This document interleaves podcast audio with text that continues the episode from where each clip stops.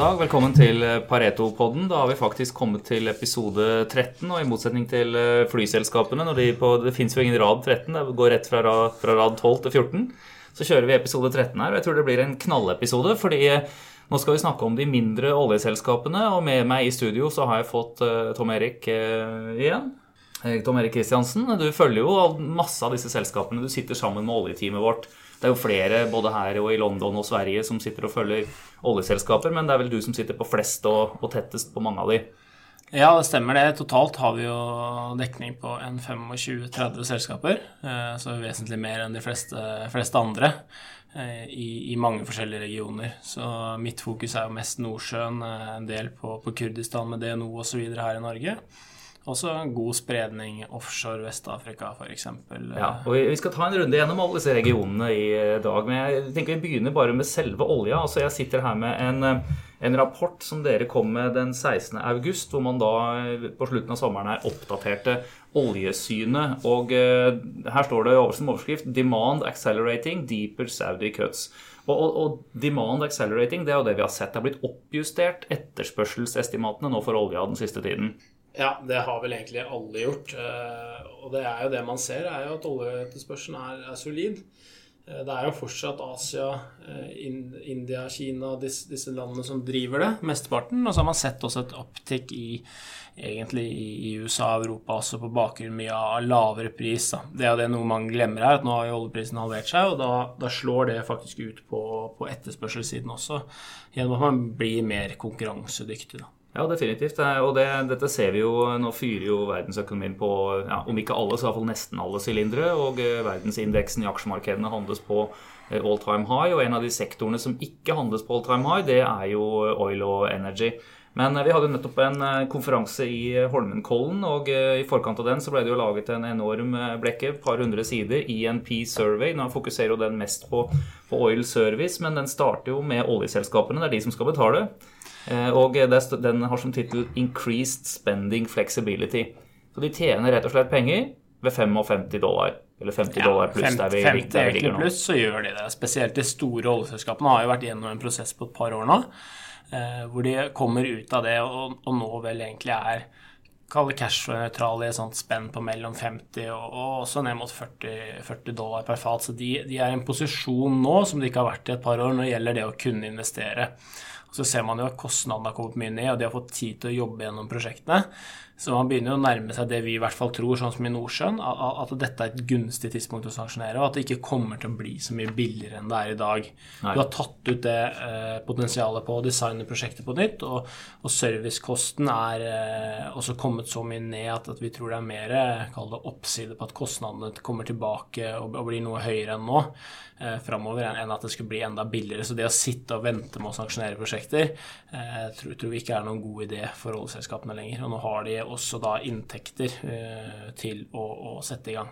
Så det, så det, er vel det generelle bildet også jeg sitter igjen med etter konferansen. og Jeg møtte mange selskaper og snakket med de at, eh, at, man så jo ikke for seg noe sånn enormt rally oppover her, men, men, man har sett bunnen, og det begynner å bli økt interesse for også Altså det neste, neste endring vi kommer til å se på, olje, på oljeinvesteringen, er oppover i Nordsjøen. Eh, og det er god økonomi i dette her. Og du, du følger jo en del cases som er sentrert i Nordsjøen. og Vi kan begynne med noen av de, de største. altså Du har Aker BP. Ja, absolutt. Så det, du ser jo, har jo sett, eh, hvis man skal snakke litt om aksjen der, eh, gjennom det siste året, samme for Lundin, som egentlig er et veldig eh, Ja, vi kan ta de litt samla, egentlig. Den, den, Lundin er jo notert i Stockholm, men de har jo gjort en splitt når vi kommer tilbake til det etterpå. Da er de Det er bare Nordsjøen der det er også. bare Nordsjøen der også. De, har jo, de er jo partner i Alvøy-området. Eh, og så har de selvfølgelig begge en, en eierandel i Sverdrup-feltet, som, som, selvfølgelig er viktig for dem. Så eh, hvis man ser på de, så, så syns jo vi at uh, utsiktene er, er, jo veldig spennende, og det ser ekstremt bra ut. Du har høy produksjonsvekst, uh, som da baserer seg på at Sverdrup nå snart kun er to år unna å komme i produksjon. Det er jo i slutten av 2019. Altså Det er ikke noe man lurer på. Den, den kommer, Der kommer det olje innen et par år. ikke sant? Og det løfter jo produksjon og inntekter betydelig for disse selskapene. Det, det, gjør det, og begge to er solidfinansiert, så å komme seg dit er heller ikke noe problem uh, i de aller aller fleste oljeprisscenarioer. Uh, Aker BP har jo også begynt å betale utbytte allerede, som selvfølgelig også er populært, og, det viser jo egentlig bare hvor sterk balansen er. Så, så, de kommer til å levere bra vekst. De har en veldig lav kostnadsbase, godt under eller Aker BP er vel på 10 dollar per fat, Lundin enda lavere nå. Det kommer ned når Sverdrup kommer på, i, i da hva det koster den produksjonsbasen de har i dag. Så de genererer god cashflow på dagens oljepris. Dette er jo blue chip-aksjer kan du si, innenfor det segmentet du eh, følger. Her er det robust og solid, og man ser også en økende grad av stor institusjonell eierandel i disse selskapene. Gjør man ikke det? Jo, helt klart. Eh, det gjør man absolutt. Og det ser man jo da også, eh, på en måte dessverre, kan man si, eh, gjennom prisingen av selskapene. For dette er jo de to selskapene av egentlig alt vi dekker som er klart dyrest priset når man begynner å regne på hva man mener at er, eh, er underliggende verdier her du er nå. Så Nav, rett og slett, som vi, Nav, som vi ofte kaller det. Mm. Og da, da, handler jo de, de godt over, så vi har jo Lundin typisk på 1,6-gangeren eh, og Aker BP på rundt 1,4 på våre verdier hvis vi bruker 60 dollar brent langsiktig, som vi føler er greit å bruke i dagens eh, situasjon. Men så er det klart, eh, interessante her er jo også hva som skjer med disse selskapene etter at Sverige kommer på. Da får de en posisjon som man tidligere kun har sett egentlig eh, selskaper som Exxon, Shell, BP, Total har på norsk sokkel. Mm. Så du vil ha Statoil og Petoro som, som, partner, som de to store produsentene. Men så vil etter de to egentlig da Aker BP og, og, Lundin komme opp som, som, de største aktørene på norsk sokkel. Og det gir jo også tilgang på Eh, mye leteareal, eh, muligheter i eh, transaksjonsmarkedet osv. som gjør at utsiktene der for å skape verdier på lang sikt er veldig gode. og Det er det investorene ser, og det er derfor vi også mener at det er riktig at dette skal prises over Nav. Så vi har fortsatt en kjøpsanbefaling på Aker BP, selv om det uten tvil er andre selskaper du må se til hvis du har lyst til å finne billig eksponering på, på feltbasis, da, hvis du ser hva du ja, kjøper. Vi, vi har noen eksempler på det vi kommer med her også, men, men bare avslutningsvis på disse to. Du, du har i hvert fall jeg har sett på, på Aker BP-presentasjonene at du tegner jo opp en, en, mulig utbyttemaskin her fremover. Eh, og det er jo noe av det som gjør at den kanskje prises eh, en del opp i forhold til, til en del av disse mindre sikre casene. Ja, det blir jo det. Vi tror jo at uh, selskapet kan doble utbyttet egentlig når Sverdrup kommer på. Og så vil det avhenge litt av hvor mye de velger å investere i nye felter, som da i så fall vil gi videre vekst. Men det er, ingen tvil om at det, Eh, cashflow eh, til sånn som Aker BP kommer, til å komme opp, og den ligger jo godt over da 10 eh, i året i årene som da følger etter at Sverdrup produksjonsstart. Så, så, så, det ser veldig bra ut, og det er klart det er et selskap som også i, i den grad med fase to osv. på det feltet har dekket da Eh, en, eller har en attraktiv produksjonsprofil til i hvert fall 2025. Og etter det, for å, for å eh, opprettholde produksjonen da, så må du jo lete og finne mer. Mm. Eh, sånn er det jo for alle disse selskapene. Og vi, vi har jo også sett økende interesse, særlig nordover da, i, i Barentshavet. Og det, det, kan du kanskje nevne, for der var det jo boret på denne Korpfjell, var det den het? Den som var noe så langt du kommer nærmest før det, før det begynner å bli is oppi der? Ja, det er riktig. Der boret du. Det var jo enormt store forventninger. Det var jo en struktur som selskapene selv hadde sagt at eh, potensielt kunne være tre-fire ganger så stor som Sverdrup. Eh, og et prospekt man vel har sett ligge mot grensa på Russland veldig lenge, og så har man kunnet nå gå inn der etter at man ble enige om hvor eh, grensen faktisk skulle gå, da, og, og bore. Så viste jo det seg, som en del av de andre brønnene i Barentshavet i år, å være skuffende. Det var jo de gjorde jo et mindre gassfunn, men ikke kommersielt. Og det har jo vært litt trenden akkurat så langt i år. Mm. Så det viktige i Barentshavet, for, for, å ta litt på det, er jo eh, at man må se det store bildet, og at det er lenge igjen til man har full forståelse av geologien. At det fortsatt er en eh, tidlig fase. Så kommer det ti letebrønner til innen slutten av neste år. Så det er klart, aktiviteten er fortsatt høy, og det er fordi industrien tror på at det her kan skapes verdier, og det gjør jo egentlig vi også. For det, det vi, eh, En sånn ting som kan være greit å få fram for lytterne, kanskje, er jo dette som er altså Når man leter etter olje eh, og gass på havbunnen, så, så vet man jo ikke at det er der. Man har en antakelse basert på seismikk og sånne ting, og vi pleier vel omtrent som industrien å legge den til et sted mellom 15 og 20 funnsannsynlighet. Da. Det betyr jo at det er mer enn 80 sjanse for at du ikke finner noe. Så det må jo bores en del brønner før du liksom virkelig vet hvordan det er der. Ja, og det er jo litt av grunnen til at man fort uh, leting, og i hvert fall i nedgangstider som har vært, og, fortsatt nok i investormarkedet, er, er, sett på som litt negativt, eller, eller, i hvert fall som en aktivitet man uh, må være forsiktig med, og, og, hvor det er høy risiko. Og det er fordi du nettopp, som du sier, som regel er, er det tørre brønner du får. Eh, og så må man ikke glemme det at grunnen til at man fortsatt gjør det, er jo den enormt bra betalingen man får de gangene man finner noe som er kommersielt. Mm. Da er det jo ofte en ekstrem return på den brønnen, og det kan selvfølgelig betale for veldig mange flere brønner også. Vi har jo litt ulike faser i dette oljemarkedet etter hvert som man går gjennom sykelen her. Altså når Vi hadde denne kraftige nedturen hvor det ble fokus på kostnadskutt. Eh, og så har man hatt en del selskaper som har begynt å slite. Vi har hatt salg av store porteføljer, sånn at man har hatt eh, M&A, mergers and acquisitions, som det kalles. Mm. Så man har kjøpt både eierandeler av hverandre, kjøpt andre selskaper. Du har hatt en eh, ganske bra aktivitet på subsea-utbygginger av nærliggende felt. Altså at man har boret rundt der man allerede har produksjonsinfrastruktur. Og Det har jo bl.a. gjort at aksjer som Subsea 7 og de som er ganske undervanns rørlegger, eh, de, de har gjort det bra. Eh, men så har vi jo den fasen man kommer inn i nå, hvor signalene er at nå begynner det å bli mer attraktivt å se på leting, rett og slett. Og, og det er jo spennende. Ja, det var jo eh, mye tema på konferansen vår, syns jeg, var eh, skiftet over mot vekst. Eh, primært så tror jeg det fokuset det første året nå kommer til å være på eh, å utbygge nye prosjekter hvor man har sett at break-even kommer ned, og man da, derfor sanksjonerer man, og så ser man at man har veldig god return også på dagens oljepris. Så det er ikke noe bedt på en veldig mye høyere oljepris, men mer at du har så robuste eh, ting at du kan bygge det ut nå og er komfortabel med det. Og så er leting helt klart tilbakevinnende. Og interessant, sånn som Aker BP kommenterte jo nå at de så større verdiskapningspotensial i, i å drive med leteaktivitet eh, enn å, å, jage etter nye M&A-transaksjoner. Og det, det, tror jeg man skal se i et perspektiv hvor det helt klart eh, har vært sånn at de eh, mest sannsynlig, i hvert fall de billigste dealene på å kjøpe produksjon, som egentlig er å kjøpe cashflow for et oljeselskap i stor grad, eh, i tillegg til oppside på ressurser osv., hvis man mener det er det, de gjorde man nok kanskje i fjor. Og så har man sett det også, dette også i aksjemarkedet, eh, med aksjer som, som Lundin og Aker BP opp 35-40 det siste året, eh, er jo mye høyere priset på produksjonen sin. Eh, mens man har sett at det kanskje har lagget litt sånn som Farrow, en annen aksje vi sikkert kommer inn til. Ja, vi, vi kommer til den nå, egentlig. Fordi den tenkte jeg å ta før vi forlater Nordsjøen her. sånn. Det er jo din top pick, som det kalles, altså innenfor for dette området. Farrow Petroleum, Færøyene altså. Absolutt. De, de, er jo ikke involvert der, så det er kun navnet nå. Det, det er uh, gammel uh, historikk og moro for det selskapet der. Notert i London. Notert i London. Uh, veldig god balanse. de har jo ikke noe gjeld i dag. mer enn 100 millioner dollar i cash.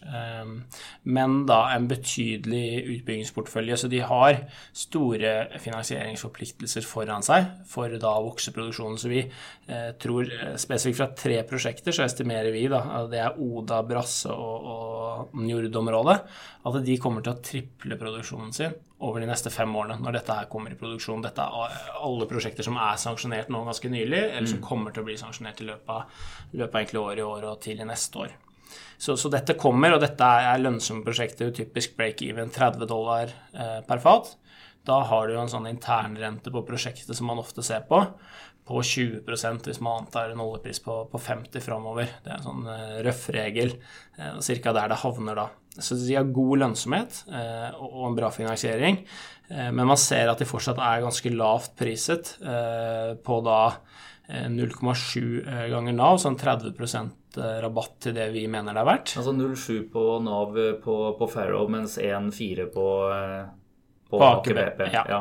Mm. Og så er det klart Aker BP får eh, litt for eh, Sverdrup, selvfølgelig, at du får et premium der. Og så får du eh, også den historikken de har levert på Alvheim, med hva de har gjort på produksjonen der. Eh, en premium prising. Men vi syns uansett at Farrow eh, bør handle opp til, til vår Nav, eh, og at gapet er altfor stort til de mest kjente, største spillerne, og, og sånn som Farrow, som er kan bli litt glemt bak de, da, for å si det sånn. Mm. Uh, og Det ser man jo litt på implied oljepris også. Farrow, det er litt av grunnen til at det, er uh, vår topp-pick i Nordsjøen nå. Det er jo at dette er det eneste oljeselskapet som vi uh, mener er attraktivt verdsatt hvis eh, oljeprisen forblir på dagens nivå for alltid. Så, så, i andre navn så har man nok også en forventning da om at oljeprisen skal videre opp, som jeg egentlig tror er riktig, men, men Farrow er da mer robust sånn sett på mm. verdsettelsesbasis. Spennende, så folk får ta seg en kikk på den. Den er notert i London, eh, handles eh, ganske greit der borte, gjør den ikke det? Jo, det tror jeg, tror jeg absolutt. Så, så, det er et spennende case, syns vi. Mm. Nå skal vi ta en lite sprang geografisk. For først dra vestover. Et annet spennende case med mye nyhetsstrøm i disse dager, og det er jo Kvester. Canada. Ja. Kanadisk gass og olje. Der har det skjedd eh, veldig mye, det er helt riktig.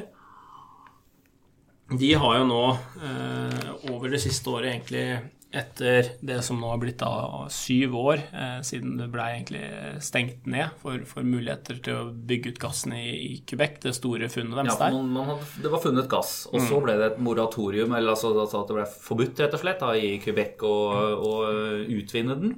Og så har jo bl.a. ikke minst Kvester, kan man vel si. Man vil si Hvis oljeinntektene begynner å komme, så er jo Michael Binion, en av de som kanskje bør få en statue i Quebec for, sitt arbeid for å få dette på plass igjen. Nå, nå er det reguleringer og en ny lov som, som foreligger, ikke sant? Ja, han har lagt ned en, en veldig stor innsats der, og det, det, har jo ført fram over tid. Eh, så i fjor så kom jo myndighetene først eh, med en energiplan fram til 2030. En av utfordringene i Quebec er jo at de importerer veldig mye olje og gass. Mm. Så de bruker jo dette sånn som alle andre, men, men, de har jo da til nå på en måte valgt å ikke produsere det selv. Og, og så har de eh, gjennom denne planen her sett at de har en del ressurser, bl.a. da eh, funnet som, som Quester har gjort, eh, som er veldig lønnsomt, og som kan gi de da økte lokale inntekter. Ja, og det, Dette er et poeng jeg bare vil dvele litt grann ved. for altså her har vi jo en, eh, Canada er jo splittet opp i litt ulike regioner, ikke sant? og dette her er vel den mest fransktalende delen av det store Quebec-regionen. Eh, og de er ikke per nå selvforsynt med energi. Sånn at de importerer store mengder olje og gass. Det går millioner av dollar ut hver eneste dag eh, til da sin nabo i sør, i USA, eller til eh, de som jo produserer dette internasjonalt. Og Samtidig så sitter de på påviste ressurser. De vet det er der under sin egen bakke, med da først og fremst gass. Ja, det er, så det er, jo, det, er jo, det er, jo, logisk at dette på en måte uh, utvinnes. Det har vært snakk om hvilken form uh, det skal gjøres i. Ja, og det er jo det Equester uh, har argumentert for over tid også. Og så har myndighetene der vært veldig forsiktige og, og, og, gjort en rekke studier. Så, så de har vel gjort godt i overkant av 100 studier på, på hvordan dette her vil påvirke miljøet osv og, og kommet fram til at det, det, er muligheter der ute nå for å bygge ut dette her på en fornuftig måte. Og ja. derfor tatt det inn i sin mm. Energiplan når de ser da inn i de neste ti årene. Eh, etter det eh, så fulgte jo da eh, en ny lov for olje og gass som åpner opp for utbygging av ressursene. Og ved enhver lov så vil du også da trenge reguleringer. Hvordan er det dette her i praksis faktisk skal gjennomføres? Og det er jo det man fikk da, som myndighetene egentlig hadde lovt eh, i løpet av slutten av sommeren. Eh, så ble det publisert da i går, og da er det et utkast på reguleringene. Eh, som skal ut på høring. Det varer i 45 dager. Hvem som helst skal spille inn eh, hva de mener bør endres. Og så kommer ministeren og myndighetene der til å se på de forslagene og, komme med en endelig eh, reguleringspakke som blir implementert. Mm. Vi tror jo ikke at det kommer så mye endringer her, fordi at det, den store diskusjonen er på en måte over. Nå handler det jo mer om hvordan man skal gjøre det, hvilke reguleringer som er hensiktsmessige. Så er det klart at myndighetene har lagt seg på en etter vår forståelse eh, relativt streng, men fornuftig linje. Altså Med høyt fokus på sikkerhet osv. Litt sånn som vi har det her i Norge. Ja, og Canada er jo et land som egentlig er ganske likt Norge. Eh, og eh, hvor man eh, i varierende grad i de ulike regionene, får man si, i og med at du har noen oil sands-regioner her sånn som ikke ser så, så vakre ut, så, så, er man jo veldig opptatt av miljøet, ikke sant? Og det er jo en av de tingene som for så vidt både Vinjen og andre har, har, understreket, at her må man gjøre det på en miljøvennlig måte hvis du skal utvinne dette her. Og når Kvester snakket på offshorekonferansen vår, så var det jo snakk om at man skulle gjøre dette fullelektrisk, så det ville bare være støyfritt nærmest forurensningsfritt eh, når man borer og, skal utvinne gassen. Ja, så, så, de har jo en eh, ambisjon om å ikke ha noe forurensning med, med selve operasjonen for, for, å bore og produsere og transportere dette. Eh, som, som, går mye på at man kan rett og slett bruke vannkraftstrøm for å, å fyre opp disse riggene osv.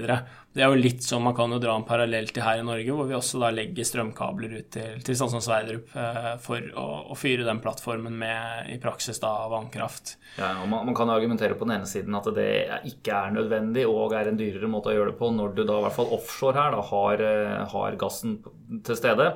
Eh, og da pumpe det opp via el og selge det til et gasskraftverk i Tyskland, det, det, det kan man jo reise spørsmål ved. Men, men, sånn er det jo. Ikke sant, At man ønsker å gjøre dette på en miljøvennlig måte. Og, da, og det er teknisk mulig nå. Og det er klart, På land så er det jo gjerne tilgang til strøm litt, litt enklere når du må begynne å legge sjøkabler milevis offshore. Det er klart, men det er jo politikernes valg, og, og det er sånn som i Norge, nok også sånn i, i Canada, at, at dette, den ambisjonen til Kvester vil bli godt mottatt, tror vi. Dette er jo noe man setter pris på. Det er jo ikke noe som står i reguleringene spesifikt at du må gjøre det akkurat sånn her, eh, etter vår forståelse i hvert fall. Men, men dette er jo noe Kvester gjør fordi de har sett uh, over tid, og man vet jo at det å ha støtte lokalt er viktig for disse prosjektene her som er på land. Mm. Eh, det gjør alt veldig mye enklere, og, de vil jo nå da sette i gang med en, en pilot som de, de, vel er i gang med å planlegge nå, egentlig, som betyr en, en mindre utbygging med, noen, med færre antall brønner i starten. For da å vise, vise potensialet her, og, og hvordan de ønsker å gjøre dette her. Og det, det, kommer nok da mer inn i 19. Det tar jo litt tid å planlegge det. Man må vite hva operatøren, eh, hovedeieren, Repsol ja, ja, nettopp. Og, og, og, det er jo et poeng som jeg får inntrykk av at mange eh, investorer i Norge egentlig ikke helt har fått med seg. At det er jo Kvester er juniorpartner her sånn, med 25 vel av eiendelen, pluss noen lisensinntekter. Repsol, spansk kjempestort oljeselskap sammenlignbart med Statoil, ikke sant? er litt over hele verden. De har 75% av eierandelen, og det er de som bestemmer når boret står i bakken. Ja, i praksis så er det jo det. Eh, de, de er jo operatør. Eh, og det blir jo veldig spennende nå framover. Eh, typisk så ser man jo at disse store oljeselskapene de forholder seg litt sånn som Repsol har gjort nå, til sånne regulatoriske og lovgivende prosesser. At de i hvert fall utad, og det er jo det vi kan se, er veldig stille fram til de ser hvordan er faktiske rammeverket, og hva kan vi gjøre, og hvordan er betingelsene. Og så går de i gang med arbeidet, og, og, da blir det jo spennende å se hva de kommer fram til nå. For det er jo nettopp egentlig nå, og når disse reguleringene er endelig implementert, at man kan begynne å forvente at de sier litt mer om hva de tenker om dette. Mm. Så tror jeg et par perspektiver man skal ha her, er jo, eh, og det viktigste eh, først Dette er jo en stor ressurs, eh, en relativt lav utbyggingskostnad i et bra gassmarked, kan man si. Nå har det jo vært sånn at gassmarkedet i USA har jo prisene kommet veldig mye ned. Ja, De har jo starta å eksportere gass, for det har blitt lønnsomt. De terminalene som ble bygd for å importere gass for en fem-seks år siden, de har begynt å eksportere gass. Og det er en uh... Og det er jo den shale revolusjonen man har sett. Og det, det er jo også ting man egentlig kan ta over grensa. Det er jo den mm. type ressurs, ja. Eh, og så har du jo, eh, siden de importerer i dag, et, et, eh, en ganske stor premium til de typiske gassprisene man ser i USA, fordi du må betale for transportkostnaden. Det slipper du jo hvis du produserer lokalt. Mm. Så at dette er lønnsomt, det, det, er ikke så veldig tvilig for oss. Og Kvester, som eier 25 her, for de er jo dette 5,8 TCF, så det er jo nesten 1 milliard fat oljeekvalenter i, i naturgass. Så, så, det er klart at for Repsol også så er dette en veldig stor ressurs. Eh, så gjenstår det selvfølgelig å se hvilket tempo de ønsker å ta det i, eh, hva de ønsker å gjøre, eh, om de er komfortable nok på, på lovgivning, reguleringer osv. Til, til å sette i gang et større prosjekt. Men, men, i første omgang er det jo denne piloten som, som man ønsker å, å, å, gjennomføre her. Ja, så hvis, hvis, du tar bare helt kort hvordan ditt regnestykke nå i Kvester egentlig ser ut Det brytes vel opp i to deler, og så bruker vi den tredje til å ta en geografisk sprang igjen etterpå. Ja, eh, det er eh, riktig. Eh, det er jo vi kan si tradisjonelt, eller før dette Quebec kom tilbake, som har drevet aksjen vanvittig mye opp det siste året, med rette, syns vi. Så var det jo Montney og, og oljeproduksjonen der. Det er jo lenge vest, midtre Canada nærmest. Ja. ja.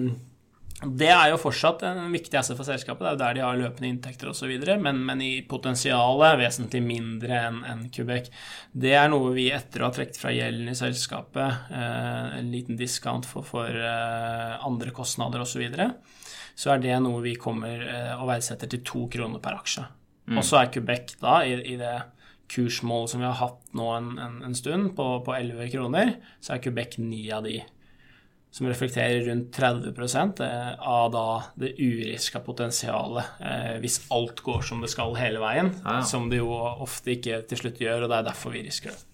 Det er spennende, men eh, bare lite, liten kommentar på denne midtre Canada-måneden i området. Vi så møtte jo flere selskaper derfra. Du følger også noen av dem, men ikke med, med ren analyse. Vel, eh, og eh, Man opplever jo stor interesse der. Det er mye boring fra forskjellige selskaper. Er mye salg av assets og områder og, og sånt. Så, så det også er jo et spennende område. Men, men allikevel, sånn verdi, verdivurderingsmessig på Quester, så er det jo Ja, absolutt. Det skjer veldig mye. Det er der det er mest aktivitet når det gjelder shale-virksomheten i, i Canada nå. Uh, og, og det betyr at du typisk i størrelsesorden har sett mer enn 5 milliarder uh, canadiske dollar i M&A over de siste 12-18 månedene. Så, så det skjer veldig mye der, men den posisjonen Quester har der, er, er litt mindre relativt til, eh, til dette enorme området i Quebec. Men Kvester har en tredje eierandel som vel ikke ligger med noen stor verdi i regnestykkene dine, men som er en mulig opsjon, og da hopper man til Jordan, andre siden av kloden her. Riktig. Det er et relativt stabilt område i Midtøsten. Eh, Du har jo Jordan og Israel, eh, og for så vidt kanskje Libanon, hvor det er eh, akkurat nå relativt eh, rolig. Ja, absolutt. Det er jo eh, veldig spennende det de gjør der. Det er tidlig fase. Eh, det er grunnen til at ikke vi har tatt noe verdi på det, det enda. Det er jo vanskelig å verdivurdere, rett og slett, hva som er potensiell og, og potensialet, og, og ikke minst hvor mye finansiering osv. det vil kreve. Hvordan skal det faktisk bli kommersielt, og, og på hvilken oljepris er dette prosjektet kommersielt. Så det er noen av de store spørsmålene gjenstår jo å svare på. Eh, og sånn er det jo i en tidlig fase på et sånt prosjekt. Um, Så, så det er naturlig, men det er også grunnen til at vi da ikke har tatt noe verdi inn på dette nå. og synes at, Vi syns det er for tidlig å gjøre det. Men er det snakk om eh, en slags oljesand igjen, er det ikke det? I, eh, og en relativt en potensielt stor eh, ressurs, og med internasjonal, internasjonal støtte for, for at Jordan eventuelt skal utvikle dette, fordi det er et stabilt land i, i en region hvor det er mye ustabilitet. Så det er jo en del ting som taler for det, men, eh, men tidlig fase, som du sier, og, og vanskelig å sette noe verdi på. Absolutt. Men du har en del andre områder her nede. Selskaper du følger ikke så langt unna Jordan, men eh, i hvert fall når du ser det herfra, i praksis et godt stykke unna, og det er jo Kurdistan. Ja, Der har vi litt av hvert. der er det, er det flere selskaper vi følger. Vi følger jo egentlig alle de større der. DNO, Genel, Gulf Keystone, Shamaran. Eh, På både aksje- og gjeldssiden. Og i Kurdistan har det jo vært eh, store nyheter i det siste. Eh, Det absolutt viktigste har jo vært at myndighetene der, som jo historisk har slitt med å betale, nå har kommet opp med og blitt enige med DNO og Genel, de to største operatørene, om hvordan de skal betale de tilbake for tidligere leveranser av olje. Så der har jo eh, de da sikret seg en avtale hvor de får tilbake veldig mye av de kostnadene, eh, eller ikke kostnadene, men de tapte inntektene historisk, over de neste fem årene. Så får jo nå også en høyere andel i tåkefeltet, som er mye verdt, selvfølgelig. De tar jo over myndighetenes 20% så det er en effektiv måte å flytte verdier og gjøre opp dette her, som har vært en stor usikkerhet i de investeringscasene. Man har sett aksjene gått en del på bakgrunn ja, av det. Dette det kom jo eh, for et par uker siden, og det løfta jo veldig på begge disse aksjene. Det er jo mange norske som kjenner, selvfølgelig, for den er notert på Oslo Børs. Genell er vel London. Uh, og eh, begge casene har jo løftet seg mye på dette her, og med rette. Hvordan ser du scenarioet for deg fremover her nå? Men vi er fortsatt positive. Vi tror jo, eh, for å ta det nå, som er her i Norge, som du sier, eh, så blir det jo nå eh, veldig spennende å se når den cashloven her begynner å komme inn til eh, oljeselskapet også. De faktisk ser dette gjennom økte betalinger, og det kommer jo til å komme mot slutten av året i år. eh, Basert litt på hvor, eh, hvor de er i de betalingssyklusene i forhold til leveransene. Så det er, er i prinsippet rett rundt hjørnet. Og da tror vi at man kommer til å få en ytterligere reprising egentlig av de aksjene når man ser at denne cashloven kommer gjennom. For dette er jo ekstremt lønnsomme felt, og da spesielt tåkefeltet. Ja, Det koster et par dollar bare å ta opp eh, oljen her, eller noe sånt. Ja, det er en produksjonskost på under to dollar per fat. Eh, Så det er klart, her har du superprofit og en, og en veldig robust eh, eiendel, så lenge du selvfølgelig får betalt fra kurdiske myndigheter. Og det viktige der er jo at man også har sett betydelig fremskritt der, og vi tror jo nå at myndighetene faktisk har et overskudd for hver måned som går. Nå er det klart at de kurdiske myndighetene har mange utfordringer og steder hvor man trenger å investere mer osv. Så, videre. så vi sier ikke at de bygger opp noen store reserver, men de, de er faktisk i pluss uh, nå. Ja, etter at oljeprisen har kommet litt opp. Det vel en, en folkeavstemning der borte hvor de skulle liksom se på, på hvordan stemningen var for, for uavhengighet. Uh, og det man kan si om de omkringliggende landene, var vel at det var bare Israel som støttet en, en, eventuell uavhengighet der, og det, ja. det var jo kanskje ikke så, så, så, det sitter litt inne. Vi, vi ser vel ikke, skal ikke uttale seg om politikken i eh, direkte grad, men, men eh, myndighetene der har vel heller ikke signalisert at det er noe som blir i morgen, liksom. Nei, de har jo, det de har signalisert, er jo at de ønsker å gjennomføre den folkeavstemningen for, for, å på en måte ha det på rene og, og, og, ha den komme seg forbi det Kall det milestonen der, mm. som man sier det på engelsk. Eh, men de har jo også sagt at det at det kommer et positivt resultat for uavhengighet, som det helt sikkert gjør, eh, ikke betyr at de kommer til å erklære seg uavhengige med en gang. Og det tror vi er eh, egentlig begrunnet i den manglende støtten fra nabolandene. Og de er jo bl.a. helt avhengig av Tyrkia for, for å eksportere oljen. Mm. Og så blir det selvfølgelig spennende å se, og, og, og se hva som, hva som, faktisk skjer i praksis. Og det blir sikkert mye støy nå de neste dagene og, og i mm. neste uke, da. Men hvis man ser gjennom støyen, så er det egentlig blitt en mer stabil region. IS er mer eller mindre bekjempa. Det var jo litt eh, press på DNO-aksjen også når du nærmest hørte skyting i bakgrunnen på telefonene når man snakket med dem. men eh, det er, eh, det, det er, vekk, og det er mer ordnung mot sign egentlig i, i, regionen nå enn på lenge. Absolutt, så, så der ser det veldig bra ut. Eh, og, og, det er en region som egentlig da har vært gjennom, tror vi, det verste. Og de største utfordringene både på IS, på økonomien, Eh, og nå har lysere utsikter framover, og dermed også bedre evne til å betale oljeselskapene. Jeg synes Et viktig poeng der er jo at oljeselskapene har jo fått betalt gjennom i hele år. Ja, Oljen er der, og betalingene kommer. Ja. Så, mm. Men hvordan vurderer du disse to casene? Eller, altså, det, var de topp pick eller eh, favoritt i regionen der nå? Vi liker jo veldig godt det nå. Så, så, det er egentlig vår topic eh, sammen med, med, Genel faktisk nå. Eh, Genel er litt mer spesifikt til, til et gassprosjekt de har osv., og, så videre, og hva man tror om det. Men, men DNO eh, er et, etter vår mening et veldig solid eh, selskap som kommer til å ha store fordeler nå eh, når betalingene kommer gjennom og etter den nye avtalen av all den cashflowen som kommer fra Kurdistan. Så blir det selvfølgelig spennende å se og det er nok den største kalde triggeren, og det investorene er mest spent på i det nå, nå, det er jo hva de gjør med den cash-balansen de bygger opp. De har jo eh, snart 400 millioner dollar i kontanter eh, stående her i Norge. Og, og det er nok ikke planen å ha det evig tid, så det skal investeres og, og vokse. Og de har jo skaffet seg en organisasjon med mye leteerfaring i Norge og snakket ganske åpent om en ambisjon om å også vokse da, til, eh, til, å få en signifikant produksjon her. og det er klart, ja, da kan vi bruke den cashbalansen. Til Nordsjøen, eh, det, det, kom litt uventet her, syns jeg, for ja, det er vel et halvår siden eller noe der omkring når de kom med den uh, meldingen nå. Ja, de føler nok at det er veldig fornuftig å ha flere ben å stå på. Jeg har jo sett det gjennom en turbulent tid i, i Kurdistan også, at det sikkert hadde vært lettere å gå gjennom det hvis man hadde, hadde flere baser og, og inntekter fra flere steder osv. Jeg har vel så vært så lenge i markedet at jeg husker det nå som det norske oljeselskapet, hvis ikke jeg husker feil her nå. Ja, det, er en stund siden, det nå. Eh, så de er, men de er da tilbake på norsk sokkel, og det blir veldig spennende å se hva de gjør der. Ja. Vi får hoppe litt til eh, en annen region med litt mye spennende selskaper, kan man si, men hvor risikoen i hvert fall er påtagelig, og det er jo Afrika. Ja. Følger, eller vi følger, Der er det jo mange av selskapene som blir fulgt fra London og våre analytikere der nede også. Men vi har noen, noen cases som er notert på Oslo, ellers er mye notert i eh, London. Uh, kan vel trekke fram African Petroleum. Den har vi ikke så vidt jeg vet, noen, noen, rating på, men det er jo et av de selskapene som mange retail-investorer også har et forhold til her i, i Norge.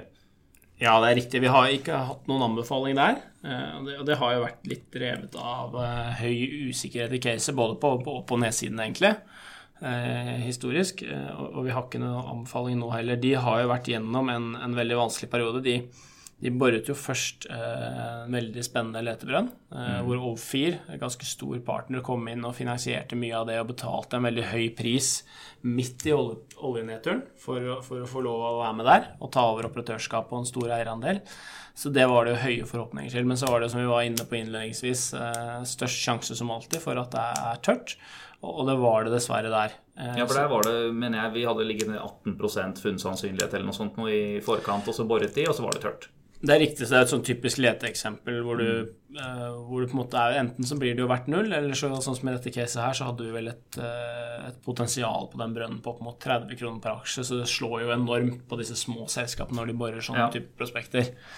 Uh, og så har de jo etter det hatt en prosess spesielt i, i, Gambia, men også i Senegal, hvor de har slitt med å få forlenget da disse produksjonskontraktene sine, eller uh, blokkene, lisensene sine, for, uh, i, i, de regionene. Mm. Uh, etter at de fikk tak i en partner som var villig til å komme inn og finansiere brønner og, og, og få et større boreprogram. Da. Så Det er jo det som har vært, tyng, vært, tungt for den aksjen. Og så blir det jo spennende å se fremover nå hvordan dette faktisk spiller seg ut, sånn som i Ghana og, og i Senegal. Det er jo veldig vanskelig å spå på nåværende tidspunkt. Der har jo Eh, myndighetene, spesielt i Ghana, vært ute i media og, vært relativt negative. Og så er selvfølgelig eh, på mm. motsatt side står selskapet og, og, og, mener de har en god case hvis de tar dette her til, eh, til arbitration. Da. Ja, hvis, hvis, man, hvis, man, kjøper African Petroleum der den handles nå i en 50-160 eller hvor det var jeg sist så på den, hva, hva er det du kjøper? Hva, hva, er det som de nå sitter på som er sikkert, og hva er usikkert? Du har jo en cashbalanse i selskapet i dag. Det er en sånn 0,6 kroner per aksje rundt der, tror vi, eh, på, på, våre estimater. Og så er det jo verdt å merke seg at det er jo en håndfast verdi. Mm. Men så er det klart at mye av det kommer jo til å investeres eh, eller brukes på å beskytte resten av verdiene i selskapet. Så, så det er ikke gitt at de er der en gang i framtiden. Hvis man da ser på, på de store andre verdiene, som, som, også er oppsiden, så er det jo eh, en lisens i, i Senegal hvor de jobber med å, å, få forlenget den. De har jo hatt en lisens til, mm. som nå Total vel har uh, tatt over. Uh, og der er det en forhandling med, med, myndighetene, slik vi skjønner eller i hvert fall en dialog gående, hvor de ønsker å forlenge da, den andre lisensen. Eh, så det er en prosess der. Eh, og det er en attraktiv leteblokk. Det har jo blitt gjort ganske store funn i den regionen ja. Eh, de siste par årene. Og det var jo derfor også de hadde en partner som ville komme inn her og betale for å bore. Så, så der tror vi at det er ganske gode muligheter for å få tak i en partner og gjøre en god deal hvis du klarer å forlenge lisensen, som er det store spørsmålet. Uh, hvis man går til Gambia, så er det jo egentlig mye av det samme. Uh, der har det vært mye mer uh, uenighet, etter vår forståelse, med myndighetene rundt kall det historiske hendelser og, hvem som har vært skyld i hva. Men det er klart at her har jo African Petroleum hatt en forpliktelse om å bore brønner som de ikke har gjort innen fristen. Mm. Så man er jo da inne i en diskusjon på, på, hvorfor eventuelt ikke har gjort det, og hva de tidligere myndighetene i Gambia kan ha gjort galt som har gjort at selskapet ikke har vært i stand til å gjøre det her. Så det kommer du jo inn på litt mer sånn jusproblematikk, som selvfølgelig ikke er positivt, og som kommer til å ta lang tid hvis man skal løse dette her, her i, i rettssaler eh, ja, osv. Mm, advokater er dyrt. Ja, og det tar lang tid. Så eh, det er utfordringen der, men der har du jo igjen et veldig attraktivt leteområde, og, og, noe som vi, basert på den tidligere avtalen, vel verdsatte til så mye som fem kroner per aksje. Eh, basert på de brønnene som lå inne i det programmet de skulle komme inn og betale for. Da. Så det er klart at hvis det løser seg der, eller de kommer til en eller annen enighet, så, så er det stor oppside i aksjen. Men det er jo veldig vanskelig å spå. Ja, og det er derfor vi da, for å gjenta det til slutt, der ikke har noen rating på den. Rett og slett fordi utfallsrommet her er for stort, og med prosesser som man på en måte ikke kan sitte og regne på i ja. særlig grad. Men det er andre cases vi følger der nede, du har noen eh, som, som er av en, en, annen eh, art. Er det noen du vil trekke fram spesielt? Ja, vi kan jo snakke litt om uh, Wentworth Resources. De er i Tanzania. Uh, er jo der en del av et av de største utbyggingsprosjektene uh, i det landet. Det er gassfeltet, det? er Det ikke det? Det er gassfeltet, ja. Mm -hmm. Der selger de til en fastsatt gasspris, og du har ikke noe risiko på det. Og så har selskapet hatt en tung periode nå over det siste året, egentlig drevet av at man venter på at myndighetene på andre siden av pipelinen ja. skal få opp kapasitet til å generere mer strøm. Så rett og slett at bygging av sånne kraftverk har tatt lengre tid enn forventet. Og da kan man heller ikke levere større volum, og så får man mindre inntekter. Så de har jo vært gjennom en, den, den, produksjonsøkningen man har sett for seg, det har jo blitt mye mindre enn forventet så langt. Ser man inn i Spesielt neste år så kommer jo flere av disse kraftverkene. Mm. Og da kommer produksjonen til å komme opp. Så de, de er nok forbi, tror vi, eh, de største utfordringene. Og har sånn sett lysere tider i møte nå som det, det kommer, da, etter hvert. Og så er det jo litt sånn som man ofte ser i Afrika, at ting tar tid. Ting tar tid, ting tar tid. Hvis vi da avslutter Nå har vi jo vært over store deler av kloden her på de mindre oljeselskapene vi følger, men, men det er en, en morsomt, et morsomt litt lite selskap som, som, har blitt skilt ut fra Lundin den siste tiden, og som vel er noe dere ser, ser oppside i. Helt riktig. Det er jo International Petroleum Company, heter de. Det er da den internasjonale virksomheten til Lundin Petroleum som ble skilt ut nå før i år, og hvor Statoil da har exitet sitt eierskap. De solgte jo aksjene sine tilbake til selskapet. Så der sitter Lundin-familien som hovedaksjonær med litt over 30 av, av aksjene. I, i, det caset. Og, og vi syns det er spennende, fordi dette er da den nye vekstsetupen til, til, den gruppen. Så her ønsker de å satse og finne eiendeler, da, primært eh, produksjon med oppsidepotensial, som de kaller det, mm. eh, som de ønsker å kjøpe nå på dette tidspunktet i syklen. Så ønsker de å vokse dette selskapet ganske betydelig framover. Og dette er ikke et team med grønnskålinger, her er det folk som har vært ute og gjort dette før? Nei, det ledes jo da tidligere CFO i eh, Lundin Petroleum, og, og, og, du har store deler av de som da har vært med på disse suksesshistoriene til Lundin-familien før, inne i, i enten management eller styre. Så vi tror jo at disse har gode muligheter til å skape verdier over tid. Så, så vi er positive til setupet. Og så syns vi jo da at eh, hvis man ser på de eiendelene de tok med seg fra, fra Lundin Petroleum at det prises lavt. Mm. At man har her god cashflow fra produserende eiendeler de neste årene, eller felter, som gjør at du genererer veldig mye av selskapsverdien innen egentlig slutten av 2020. Og Da syns vi det blir attraktivt når du sitter med den type track record og management uh, bak deg. Mm. Og aksjen den handles? Den handles i Sverige, og også listet i, i Canada. Mm -hmm. Ja. Ja, nei, men Da har vi vel vært gjennom uh, mye her. Det var som alltid gøy å ha Tom Erik Kristiansen i, i, studio. Det er, det, mens vi har sittet her sånn, så tror jeg telefonen din har ringt åtte ganger. eller noe sånt nå, og det er, det, er, det, det er mye newsflow, mange selskaper, stor interesse. Dette her er spennende. Ja, det er mye som skjer, så hyggelig å være innom igjen. Og så kommer vi sikkert tilbake senere. Den er god. Da får du fyre i gang telefonlista di, og så sier vi tusen takk til dere der ute. Og som vanlig, hvis man liker episoden, gi den en god rating. Det gjør alltid oss glad. Del det gjerne med andre også på sosiale medier. Vi høres igjen. Ha det bra.